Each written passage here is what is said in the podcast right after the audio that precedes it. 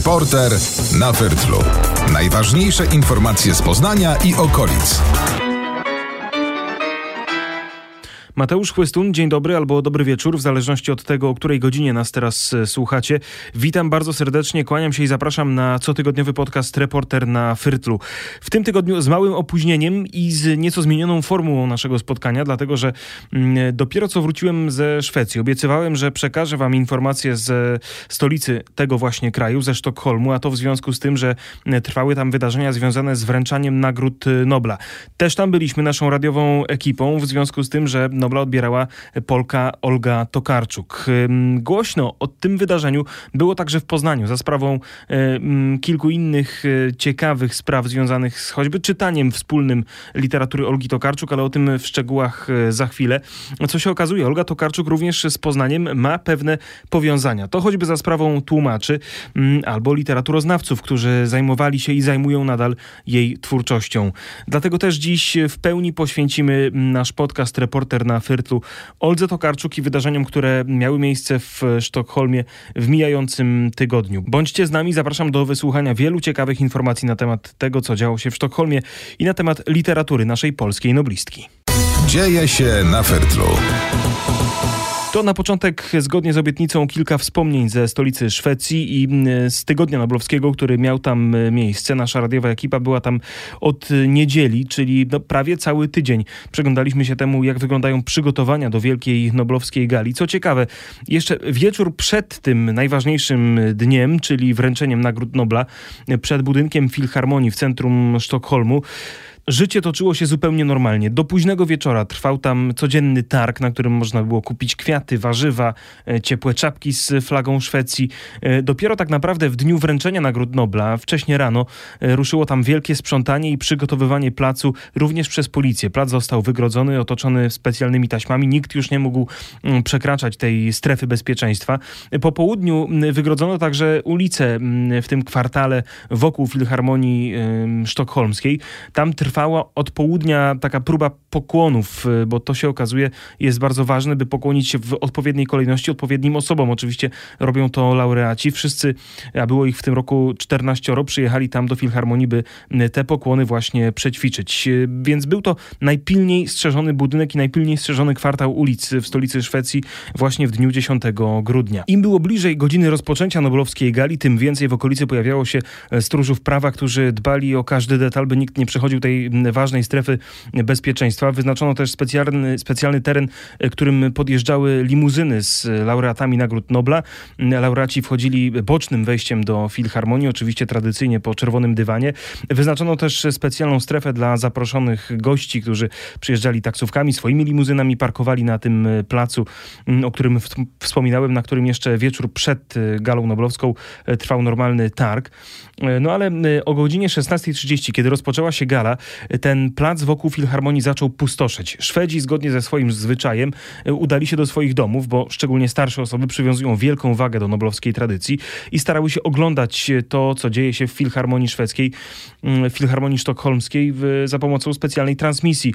Mm, na wyłączność oczywiście tę transmisję ma szwedzka telewizja, która dorocznie mm, zapewnia obraz i dźwięk z tej ważnej gali, e, ważnej dla Szwedów oczywiście, bo jak sami mówili ci, którzy, z którymi rozmawiałem na ulicach Sztokholmu, to jest typowo szwedzkie wydarzenie, bardzo ważne dla nich przywiązują się do tej tradycji i starają się ją kultywować także w swoich domach. Co ciekawe, co po niektórzy organizują takie mini gale w swoich domach, zapraszają znajomych, przyjaciół, ubierają się na galowo i śledzą krok po kroku to, co dzieje się w Filharmonii Sztokholmskiej.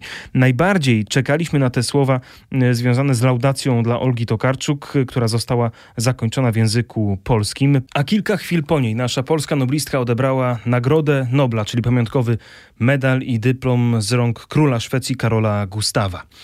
Na noblistkę przed Filharmonią czekała spora grupa tłumaczy z Polski, to jej przyjaciele, ale też Polacy, którzy mieszkają w Sztokholmie. Jak sami mówili, było to dla nich bardzo ważne wydarzenie. Posłuchajmy. Słyszałem, że pani tak przypadkowo Ja do, ze szpitala, bo jestem po operacji, wyszłam i syn mnie tu przywiózł. Bo nie mogłam tego sobie odmówić. To jest taka, takie wydarzenie, że ja po prostu jestem, nie wyobrażam sobie, że mieszkając tu w Sztokholmie bym nie przyszła, nawet z tą moją kulą. Czyli prosto ze szpitala tu pod Filharmonię. Ja z Karolińska jestem po biopsji i prosiłam magazyna, żeby tu przewiózł mnie, bo to jest dla mnie 30 lat temu, jak byłam pierwszy raz w Szwecji z mężem, przypłynęliśmy tu kiedyś, jeszcze za czasów PRL w 89 roku. Znaleźliśmy się dokładnie na tym samym placu po raz pierwszy ja dzisiaj po 30 latach, mimo że 17 lat tu mieszkam, zawsze pracowałam 10 grudnia i nigdy nie mogłam tutaj być, bo jestem nauczycielką i zawsze byłam w szkole.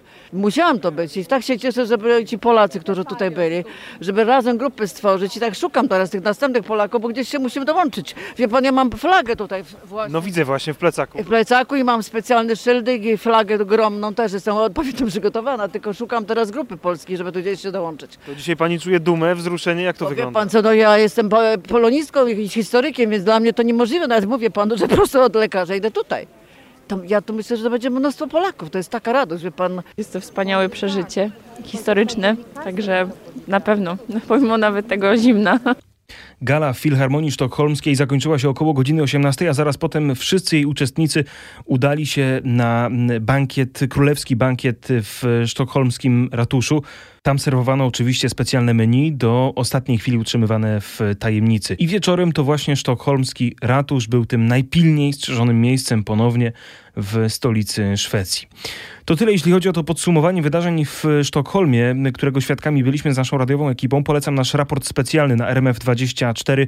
Tam również zdjęcia, rozmowy, wywiady, Także wywiad z noblistką Olgą Tokarczuk. Gorąco polecam, odsyłam mm, fakty, raporty specjalne, raport z mm, przyznania literackiego Nobla Oldze Tokarczuk.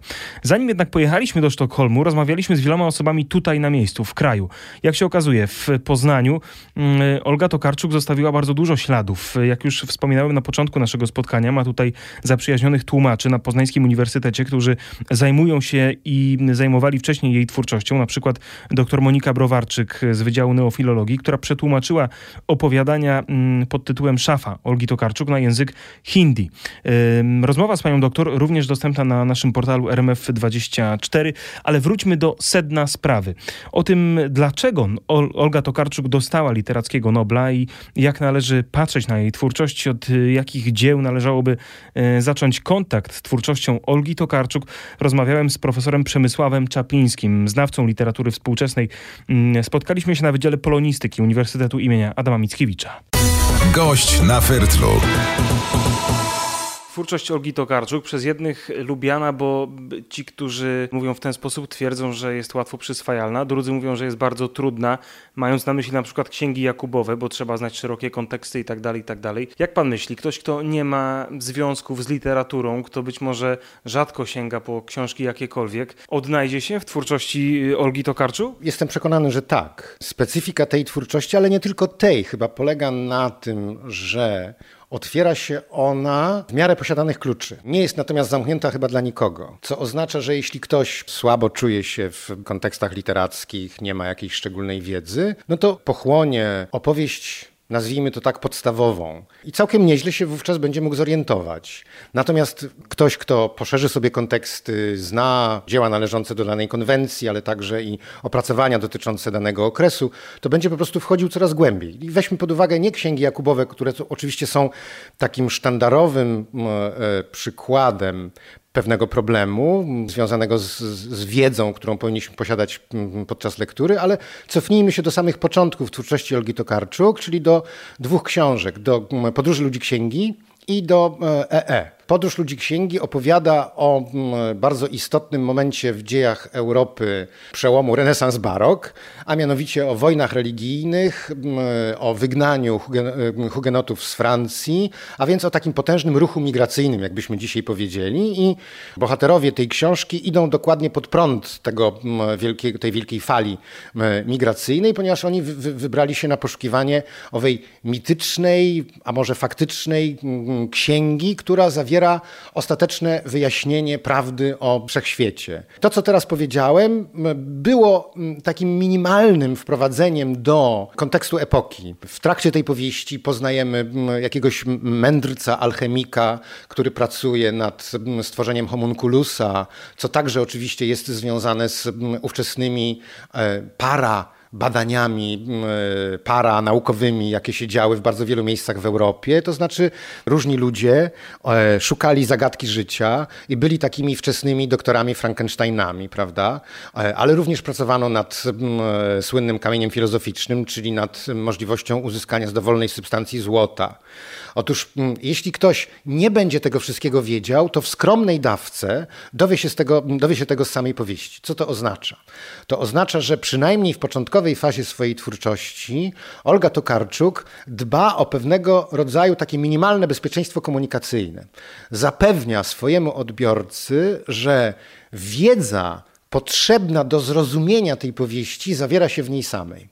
Co nie oznacza jednak, że ktoś, kto zdobędzie wiedzę szerszą, że sięgnie do rozmaitych innych ksiąg, czyli właśnie na przykład przeczyta o wojnach religijnych, o mm, mm, poszukiwaniach kamienia filozoficznego, całej tradycji alchemicznej w Europie, że ten ktoś e, poczuje się wyposażony w kontekst bogatszy od tekstu. Tak nie będzie. Ta powieść pozwoli mu pewne rzeczy lepiej zrozumieć, oczywiście w takiej wersji sfabularyzowanej, to znaczy przełożonej na przygody konkretnych, konkretnych postaci. Niemniej jednak to należy podkreślić, że twórczość Olgi Tokarczuk na żadnym etapie nie jest ilustracją pewnych problemów pozaliterackich. To znaczy, że ona nie tworzy powieści, które by fabularyzowały na przykład historię mm, wygnania mm, innowierców z Francji, albo poszukiwania kamienia filozoficznego, albo na przykład e, dziejów Gdańska na przełomie XIX i XX wieku, bo tego dotyczy, mm, tego dotyczy EE, czyli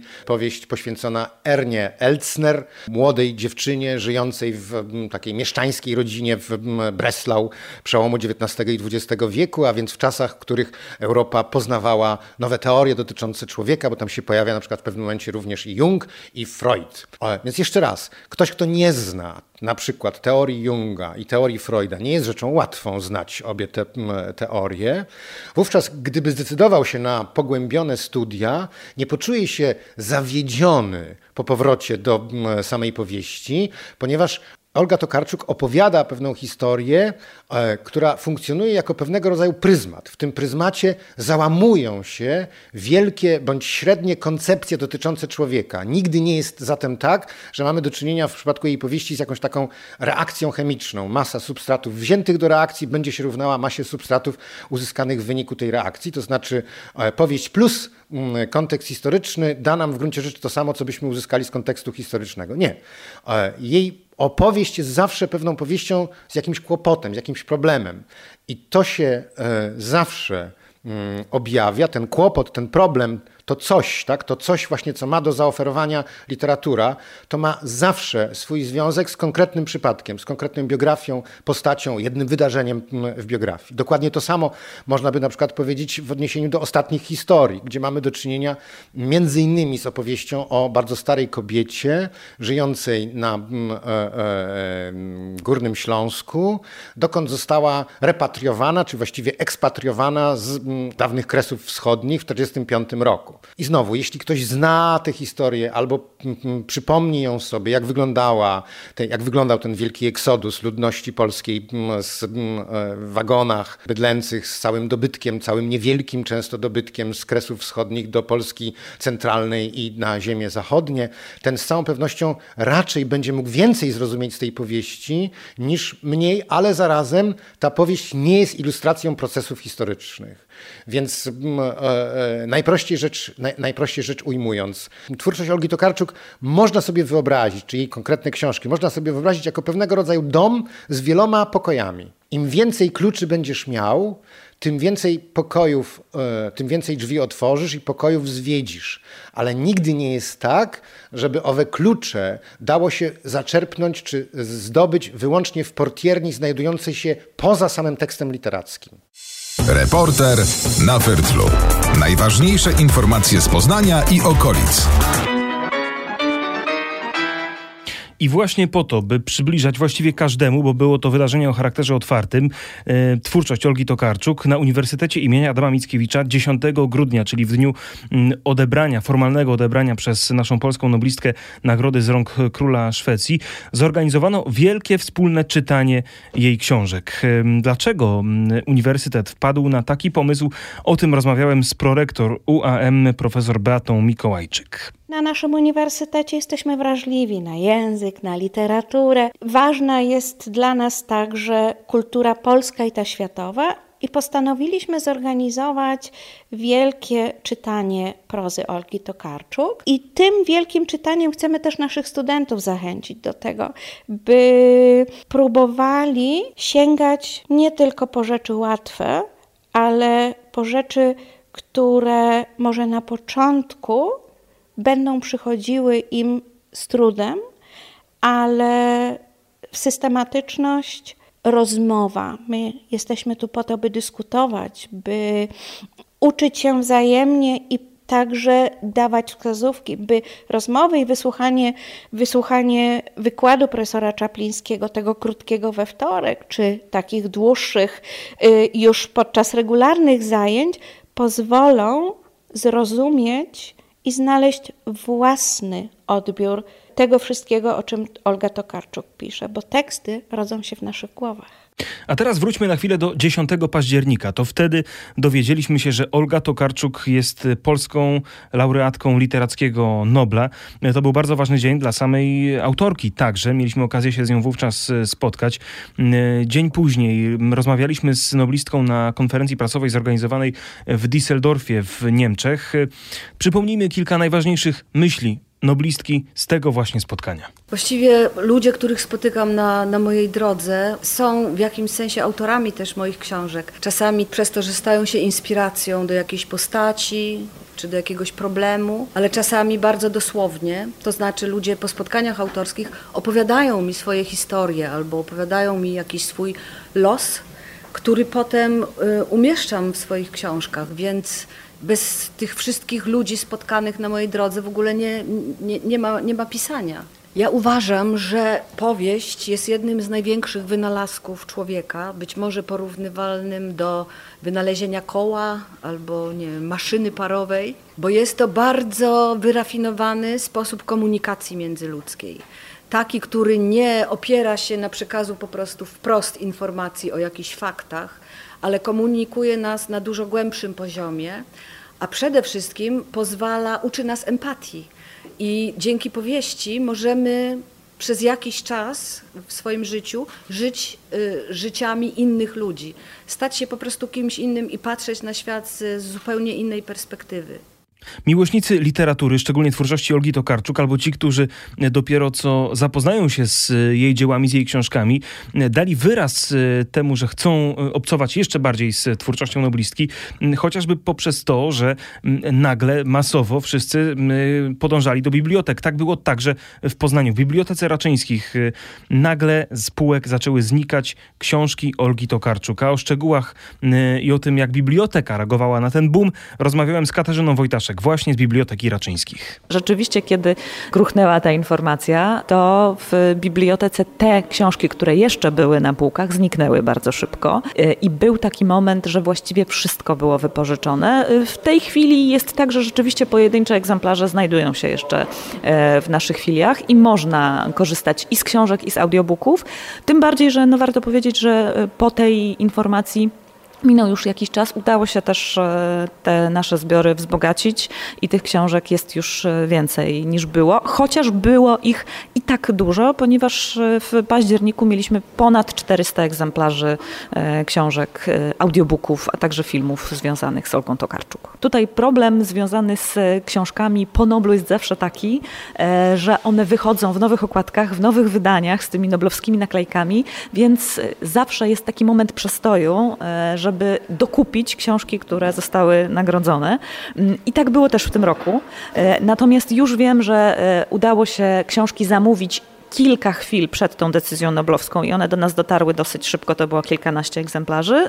A ta sytuacja związana z tym, że ludzie masowo, czytelnicy masowo zaczęli wypożyczać książki Olgi Tokarczuk, wiąże się też z pewnym zjawiskiem psychologicznym, ponieważ podobno, podobną tendencję można było zauważyć w księgarniach. Nagle na półkach tuż przy wejściu e, do takich właśnie sklepów z książkami zaczęły pojawiać się pozycje opatrzone specjalną nalepką The Nobel Prize, e, Olga Tokarczuk, jej książki właśnie. No i e, część osób, które zaglądały do księgarni, łapały się w cudzysłowie na to, że tę książkę warto mieć.